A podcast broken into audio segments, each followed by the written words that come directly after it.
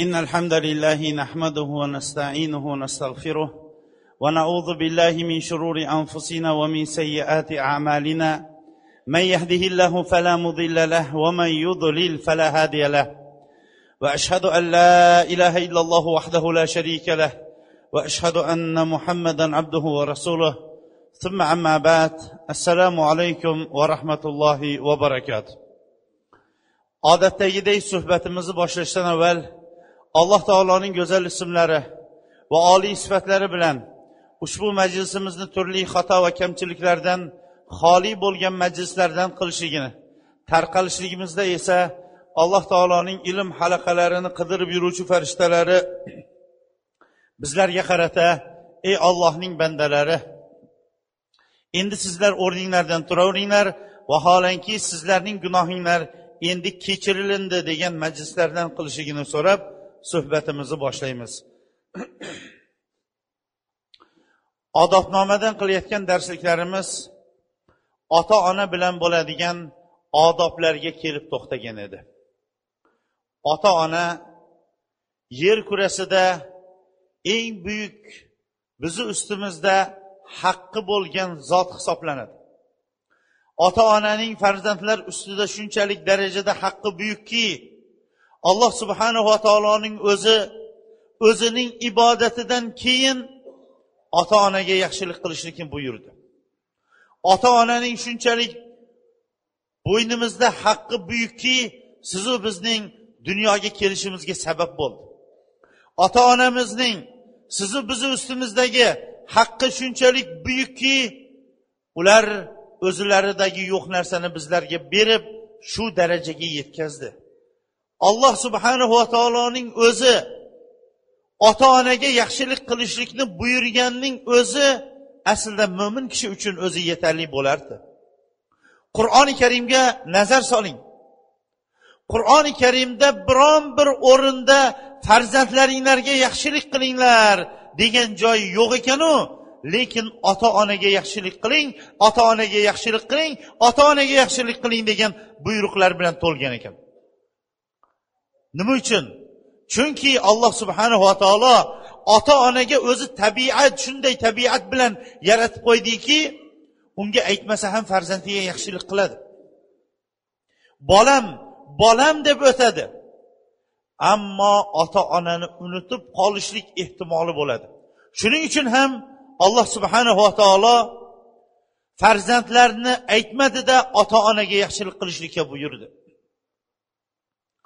أعوذ بالله من الشيطان الرجيم واعبدوا الله ولا تشركوا به شيئا وبالوالدين إحسانا ollohning o'zigagina ibodat qilinglar unga biron bir narsani sherik qilmanglar va ota onanglarga yaxshilik qilinglar dedi oyatga e'tibor bering alloh subhanava taolo o'zigagina ibodat qilishlikka buyurib turib eng birinchi o'zidan keyin bandalar ichida ota onaga yaxshilik qilishlikka buyurdi. Va bil validayni ihsana. Keyingi oyatda esa alloh taolo hukm chiqardi. Alloh taolo hukm chiqardi uning o'zigagina ibodat qilishlikka va ota onaga yaxshilik qilishlikka. Bu bobdagi oyatlar nihoyatda ko'pdir. rasululloh sollallohu alayhi vasallam ham hayotlari davomida ota onaga yaxshilik qilishlikka vasiyat qildi ota ona ichida xususan onaga ko'proq yaxshilik qilishlikka shariatimiz buyurdi otadan ko'ra uning afzalligini ko'proq bayon qildi حملته أمه وهنا على وهن va fisaluhu ala fi amayni anishkurli va livalidayka ilayyal masir biz insonga vasiyat qildik. Vasiyat kimdan? Alloh subhanahu va taolodan biz insonga vasiyat qildik. Ota onasiga yaxshilik qilishlikka. Shu qatorda zaifaligiga qaramasdan yana zaiflik bilan homila bor bo'lib ko'targan onasiga yaxshilik qilishlikka. Uni ikki yil mobaynida ko'tarishligiyu emdirishligi ikki yil mobaynida bo'lgan onasiga yaxshilik qilishlikka buyurdik. Menga shukur qiling va ota onangizga shukur qiling. Oxir oqibat qaytar biz tomongadir deydi alloh taolo. Mana bu oyati karimada alloh subhanava taolo otadan ko'ra onaning mashaqqati ko'proq ekanligini bayon qildi. Rasul sollallohu alayhi vasallamga bir kishi keldida ota onam ichida boshqa lafzida esa odamlar ichida eng ko'proq yaxshilik qiladigan odam kim deganda onangiz dedi. Undan keyin kim dedi onangiz dedi. Undan keyin kim dedi onangiz dedi. Undan keyinchi deganda dadangiz ota onaga yaxshilik qilish bobida ona birinchi o'rinda turadi. Abul asvadi duali rahimaulloh buyuk qozilardan. Bu kishining oldida mahkamada har qanaqa jollot bo'lgan jollot bo'lgan har qanaqa kishilar jinoyatchilar qaltirab turardi. Bu kishining huzuriga bir kuni ajrashgan ota ona bola talashib kelib qolishdi. Ajrashgan ota ona bolani kimda bo'lishligini talab qilib kelib qolishdi. Shunda ota gap boshladi. Agar bu ko'targan bo'lsa bolani homilador bo'lib ko'tarib yurgan bo'lsa men ham bolani belimda ko'targanman. Agar bu ayolim bolani tuqqan bo'lsa men ham belimdan bunga qo'yganman. Bolaga men haqli emasmanmi qozi hazratlari dedi. Gap onaga berilganda ona aytdiki agar bolaning otasi bu ko'targan bo'lsa belida yengillik bilan ko'tardi. Men esa og'irlik bilan ko'tardim. Agar u belidan bizga bolani shahvat bilan rohat bilan qo'ygan bo'lsa men azob bilan mashaqqat bilan tug'dim. Bolaga men haqli emasmanmi? Yana ikki yil uni emdirdim degan ekan. Shunda qozi abul asvadi duali bolani onaga hukm qilib chiqarib bergan ekan. Rasululloh sollallohu alayhi vasallam ishi yurishmayotgan qarzlarga botib qolgan boy badavlat bo'lishlikni xohlagan umri uzoq bo'lishlikni xohlagan odamlarga yo'llanma berdi. Aytdilarki anas ibn molik roziyallohu anhudan rivoyat qilingan hadisda man sarrahu ayyumidda lahu fi umrihi va yuzada lahu fi rizqihi falyaburra validayhi va rahima eshiting quloq soling amal qiling aytdilarki kim umri uzoq bo'lishligini rizqi keng bo'lishligini xohlasa ota onasiga yaxshilik qilsin qarindosh urug'lari bilan bog'lansin dedi shu yerda o'tirganlarimizning barchalarimiz umri uzoq bo'lishlikni xohlaymiz umr uzoq bo'lishlikni xohlashlik insonning tabiatidandir. Shu bilan bir qatorda rizqi keng bo'lishlikni ham xohlaydi.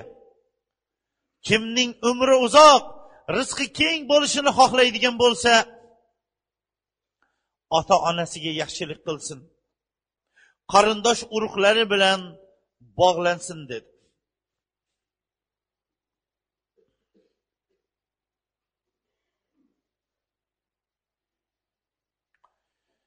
Rasululloh sollallohu alayhi vasallam ibodatgo'y odamlarning darajalarini bayon qildi. Bir kishi rasululloh sollallohu alayhi vasallamga keldilarda yo rasululloh dedi sollallohu alayhi vasallam men ollohdan o'zga ibodat qilishlikka loyiq iloh yo'q va siz ollohning elchisi ekanligingizga guvohlik berdim. Besh vaqt namoz o'qidim. Molimning zakotini ado qildim. Ramazon oyida ro'za tutdim deganda rasululloh sollallohu alayhi vasallam. Kim mana shu holatda olamdan o'tadigan bo'lsa payg'ambarlar siddiqlar shahidlar bilan birga bo'ladi qiyomat kunida dedida barmog'ini ko'tarib turib modomiki ota onasiga oq bo'lib qolmasa dedi. Modomiki ota onasiga oq bo'lib qolmasa payg'ambarlar siddiqlar shahidlar bilan qiyomatda birga bo'ladi dedi. Demak har qanaqa toat ibodatning qabul bo'lishligi ota onaning roziligiga bog'liq bo'lar ekan. Ota onaning shunchalik darajasi darajada fazilati buyuk darajasi ulug' shaxslar bo'lar ekan ular bilan bo'ladigan odoblar qanaqa bo'lmoqligi kerak? Ota ona bilan bo'ladigan odoblar ikki qismga bo'linadi. Birinchi turdagi qism ota ona tiriklik vaqtida va ko'proq ham mana shu tiriklik vaqtida bo'ladi. Ikkinchi turdagi ota onaga qilinadigan odob yaxshiliklar ota ona olamdan o'tgandan keyingi. Hozir biz birinchi qism ota ona tiriklik vaqtidagi odoblarga to'xtaymiz. Ota ona tiriklik vaqtida qilinadigan odoblarning eng birinchisi har qanaqa farzand bilsinki ota onaga har qanaqa yaxshilik qilsin har qanaqa yaxshilik qilsa ham bilsinki u ota onaning haqqini ado qila olmasligini bilsin. Har kuni har yili hajga yuboring. Tagiga eng yangi chiqqan markablarni mindirib qo'ying. Eng katta imoratlarga o'tkazib qo'ying. Lekin bo'yningizning yo'g'onini ko'rsatishlikka haqqingiz yo'qki ota onaning sizga qilgan fazilatli amallari oldida sizning qilgan amalingiz hech narsa emasdir. Har qanaqa farzand bilishi kerakki qilayotgan ishi ota onasining oldida. Bu ular qilib qo'ygan ish oldida hech narsa emasligini. Shuning uchun ham farzand hech qachon ota onaning haqqini ado etolmaydi. Shuni yaxshi bilsin. Abdulloh ibn umar roziyallohu anhu bu kishi haj qilayotgan odamlar ko'p olomon. Kabaning atrofida odamlar kabani tavof qilyapti. Izdihom bo'lib turgan vaqtda bir arobiy kishi yelkasiga onasini mindirib olgan. Abdulloh ibn umar roziyallohu anhuni uzoqdan ko'rdi va u kishiga yaqinlashib keldi va aytdi men dedi onamni sahrodan yelkamga o'tkazib mana shu yergacha olib keldim. Haj amallarining barchasini mana shunday yelkamga o'tkazib bajaryapman. Ko'rib turganingizdek tavofda ham onamni yelkamda o'tkazib tavof qildiryapman dedi. Shu yerda bir daqiqa to'xtab qo'shimcha qo'shib ketamizki mana allohga hamdlar bo'lsin bir qancha yillardan buyon haj qilayotib na arab na ajamlar ichidan bironta yelkasiga onasini o'tkazib turib haj qildirayotgan odamni yaqin tarixda biz ko'rmadik. Haj amalida o'zining yelkasini ko'tarib yurishlik o'zi mashaqqatli bo'lgan qiyin vaqtda bu arobiy kishi onasini yelkasiga ko'tarib haj qildirardi. Shunda aytdilarki mana onamni mana shunday haj qildiryapman. Endi aytingchi endi aytingchi onamning haqqini ado qildimmi dedi.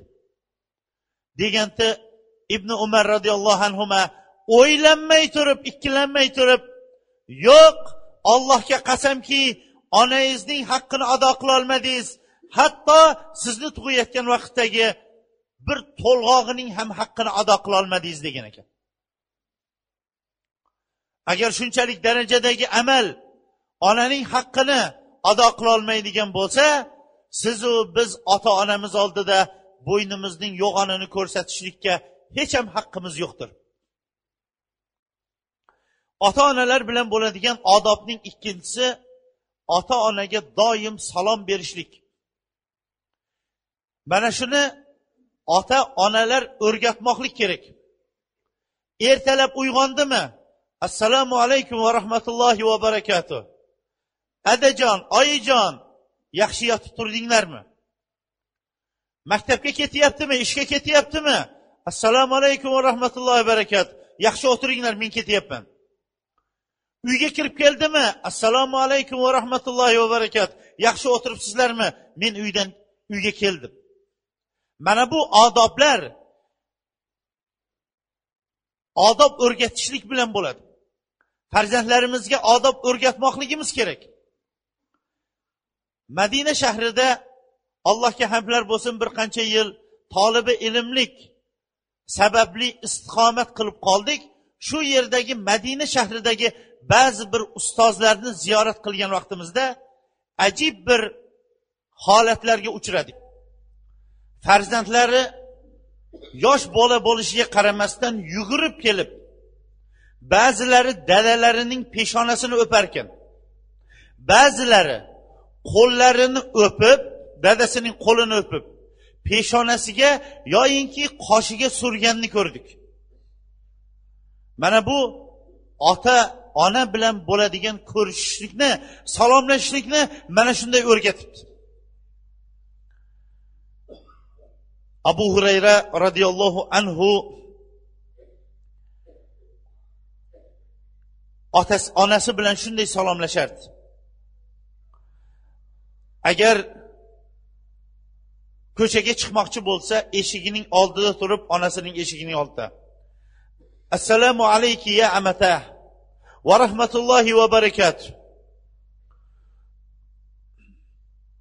ey onaginam sizga ollohning salomi rahmati va barakoti bo'lsin derdi onasi ham ey o'g'lim sizga ham ollohning salomi rahmati barakasi bo'lsin desa abu hurayra roziyallohu anhu aytardi olloh sizni qarigan chog'ingizda o'z rahmatiga olsin bizni yoshlik davrimizda rahmaylab parvarishlaganingizga o'xshash derdi. Shunda onasi ham aytardi bolam sizni ham olloh o'zining rahmatiga olsin qarigan vaqtimizda bizga mehribonchilik qilganingiz uchun derdi. Salomlarning o'zini qarang. Chiroyli muomala odob iltifot ko'ngil ko'tarishlik duo xayr. Bularning barchasi farzand tomonidan qilingandan keyin ota ona tomonidan ham xuddi shunday bo'ladigan odoblardir ota ona bilan bo'ladigan odoblarning uchinchisi ularga doim muloyim gapirishlik. Doim muloyim gapirishlik qo'pol gapirmaslik. Alloh subhanahu va taolo ota onaning huzurida qanday turishlikni bizga o'rgatdi. Qarang shunday bizning dinimiz bor shunday kitobimiz borki biron bir narsani qo'ymasdan bizga bayon qilgan. Hatto ota ona huzurida qanday turishlikni o'rgatdiya bu kitob?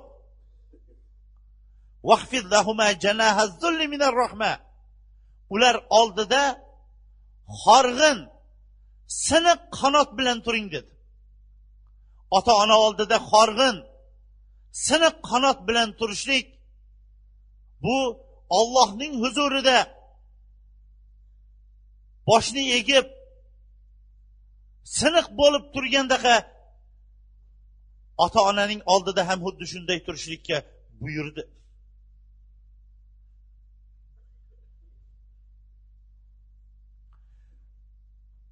Abdulloh ibn umar roziyallohu anhu bir kishi u kishining oldiga keldida vasiyat qiling dedi. Aytdilarki jahannamdan qoching. Jannat sari intiling. Ota onangiz tirikmi dedi. Ha onam hayotlar dedi deganda agar ularga chiroyli muomala qilsangiz yumshoq shirin so'zlasangiz taomlantirsangiz jannatga kirasiz madomiki katta gunohlarni qilib qo'ymaydigan bo'lsangiz dedi. Ota onaning oldida doim siniq turishlik bo'ynining yo'g'onini ko'rsatmaslik ovozni ko'tarmaslik qo'pol dag'al gapirmaslik bu ota ona bilan bo'ladigan odoblardir. Endi mana shu o'rinda bizdagi uchraydigan salbiy holatlarni aytib o'tib ketamiz. Ota onaning oldida gunoh ishlar qiladi ba'zilar. Qanaqa gunoh ishlar qiladi? Ba'zilar pisand etmay ota onasining oldida kashandalik qiladi. Bu eng katta bir odobsizlik hisoblanadi ota onasining oldida chekimlik chekib o'tirganlarga bu. Ota onasining oldida ovozini ko'tarib faxsh so'zlarni gapiradi. So'kiladigan gaplarni gapiradi. Mana bu ham ovozni ko'tarib gapirmaslikka bo'lgan odobning oldidagi eng katta odobsizlik hisoblanadi. Alloh subhanava taolo bizlar uchun ota onaga bo'lgan muomalada eng nozik eng buyuk eng yaxshi odobni o'rgatdi. Arab tilida ham o'zbek tilida ham va boshqa tillarda ham bir xil bo'lgan eng yengil til bor. Eng yengil lafz bor. U ham bo'lsa uf kalimasi. Uf kalimasi ikkita harfdan iboratdir. Ikkita harfdan iboratdir. Alloh subhanava taolo yetti osmon ustidan farzandlarga qarata hatto ota onasining oldida uf kalimasini aytishlikni harom qildi. Vala taqul lahuma uffin. Ota onangizga uf kalimasini hatto aytmang dedi. Agar ota onaning oldida ota onaga uf kalimani aytishlikning o'zi harom bo'ladigan bo'lsa ikki harflik bo'lgan bundan ko'ra og'irroq bo'lgan kalimalarning qanchalik uni aytishlik gunoh ekanligini endi tasavvur qilib ko'ring. Mufassir ulamolar aytadiki agar uf kalimasidan ko'ra yengilroq boshqa bir kalima bo'lganda olloh uni zikr qilgan bo'lardi deydi. Lekin uf kalimasidan ko'ra yengil bo'lgan kalima yo'q yer kurasida. O'sha uf kalimasini ham alloh taolo ota onaga nisbatan aytishlikni harom qildi. Ota onaning huzurida qanday turishlik keragini keling sahobalardan o'rganaylik. Oysha onamiz aytadi. Rasululloh sollallohu alayhi vasallamning ashoblari ichida ota onasiga onasiga yaxshilik qiladiganlarning eng yaxshilik qiladigan ikkitasi bor edi. Ularning birinchisi usmon ibn affon ikkinchisi harisa bin numan edi. Ammo usmon bo'lsa aytadiki musulmon bo'lganimdan buyon onamning suratini tasavvur qilib tasvirlab bering desa men onamning suratini sizlarga sifatlab berolmayman degan ekan. Nima uchun? Onasiga tik qaramaganligi uchun. Musulmon bo'lgan kunimdan boshlab onamga tik qaramaganligim uchun ham onamning suratini sizlarga ifodalab bera olmayman degan ekan. Ammo harisa harisani qarang u kishi o'zining qo'li bilan yosh bolani ovqatlantirgandaqa onasini ovqatlantirib qo'yardi. Agar onasi bir gap gapiradigan bo'lsa xo'p derdida chiqqandan keyin onam nima dedi derdi. Onasining haybati shunchalik darajada onasining haybati bosib aytgan gapini ham tushunmasdan chiqqandan keyin onam nima dedi derdi. Onasiga qo'li bilan ovqatlantirib qo'yardi. Hozirgi kunda yer kurasi taniydigan shayx muhammad muxtar shinqiti degan alloma kishi bor. Payg'ambarimiz sollallohu alayhi vasallamning masjidlarida dars beradi. Bu kishining dovrug'i butun yer kurasiga ketgan. Agar u kishi dars o'tadigan bo'lsa yuzlagan emas minglagan odamlar o'tiradi darsida. Minglagan odamlar atrofida yuradi. Bir kuni biz bilan birga o'qiydigan bolalarni bittasi hayit kuni u kishini ko'rishlikka bordi. Hayit kuni u kishi uch kun eshigini ochib qo'yadi. Mehmonlar kirib chiqib kirib chiqadi. Men atay shayxning oldida ko'proq qoldim dedi. U kishi kelganlarga o'zi xizmat qilib xurmo choy qahva bilan mehmon qilardi. Bir vaqt ichkariga kirib ketdida ichkariga kirib ketdida sal kechikib chiqdida uzr mehmonlar onamning choyini yangilab chiqdim kechikib qoldim deb aytdi dedi.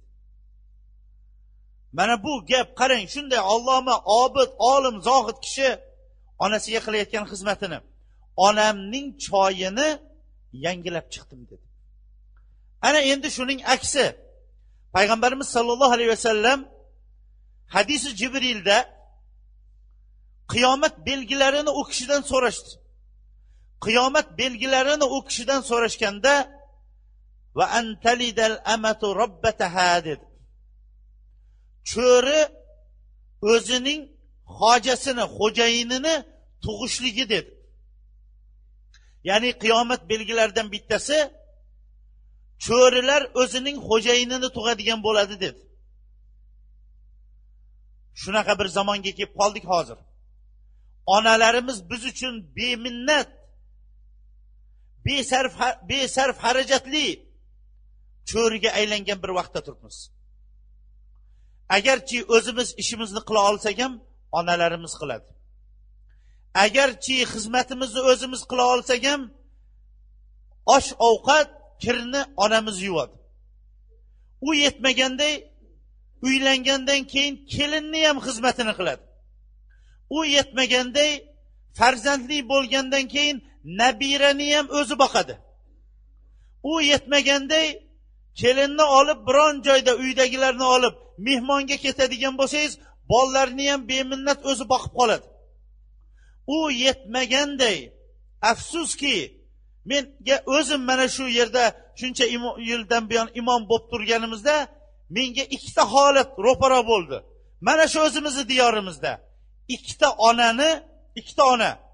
Shuncha yil davomida men ikkita ona bolalari kiritmaydi nafaqani nariginga berasizu deb turib u yetmaganday qancha qancha xonadonlarda onasining nafaqasiga qarab o'tiradi. O'zi agar tog'ni ursa tolqon qiladigan yigitlar ammo onasining nafaqasiga yetmay turadi. Bundan ikki uch yil avval uyga borsam uyda onamiz ko'ziga yosh olgan shu bizdan talab qilyaptiki bitta opa bor. Nima bo'lmasin shuni hajga olib ket bolam dedi. Tinchlikmi kim nima desam shu bir opa keldi dedi. Haqiqatdan uni men ishondim uni gaplariga.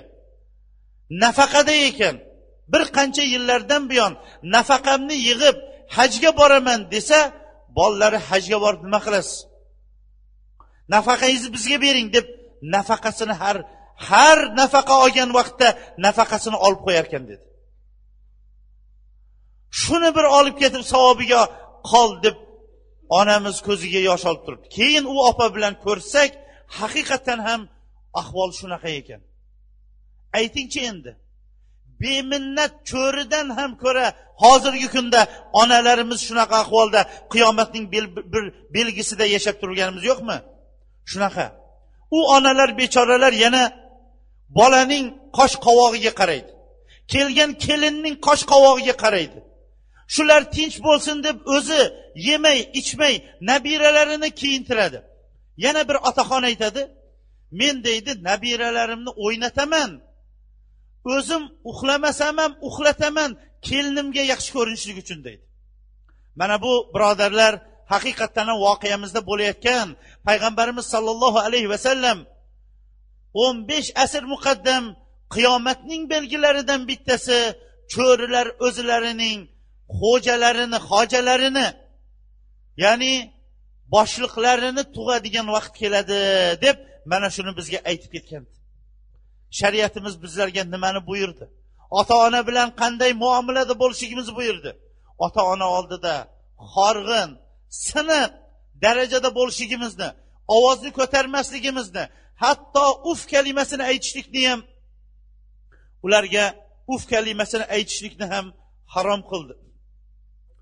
Abdulloh ibn avun rahimaulloh bir kuni onasi u kishini chaqirib qoldi. Chaqirganda labbay ona! deb ovozini onasining ovozidan ko'ra ko'tarib yubordi. Onasidan ko'ra ovozini ko'tarib yubordida eh attang onamning huzurida ovozimni shunday baland ko'tarib qo'yibman dedida darrov ikki qulni ozod qilib yubordi kafforati bo'lsin deb. Ular shunchalik darajada onalarining huzurida onalarining huzurida otalarining huzurida ovozlarini ko'tarmasdi. Ho'p juda savollar ko'p bo'lib ketgandi. Bu hafta ham undan kamga o'xshamayapti. Shuning uchun ham suhbatimizni mana shu yergacha to'xtatib turamizda inshaalloh odobnomani davomini keyingi haftada davom ettiramiz. Savollarga to'xtaymiz.